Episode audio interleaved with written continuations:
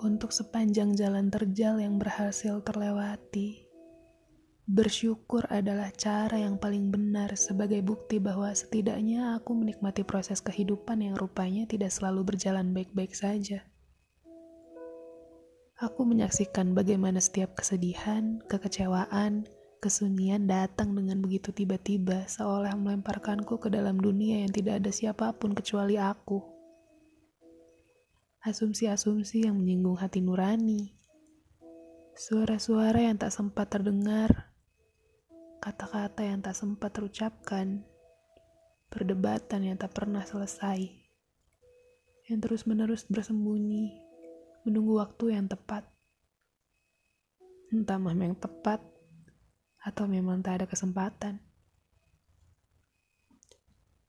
Aku menyaksikan bagaimana kebahagiaan pula datang di beberapa waktu yang selalu ku nanti.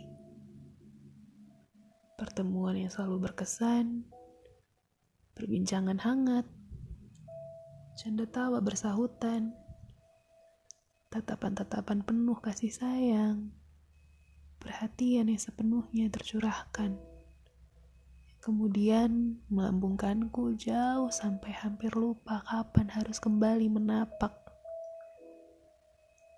Kesedihan yang tidak pernah ingin kutunggu, dan kebahagiaan yang selalu kuharapkan datang lebih banyak. Keduanya akan terus berjalan bersisian sepanjang aku menghembuskan nafas melewati waktu yang akan menciptakan kenangan mengendap dalam isi kepala serta relung hati.